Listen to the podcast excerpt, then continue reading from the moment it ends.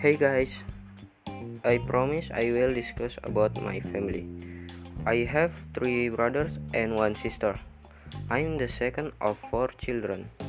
I am very happy to live in this family. This is my family story. Thank you for your attention. Goodbye.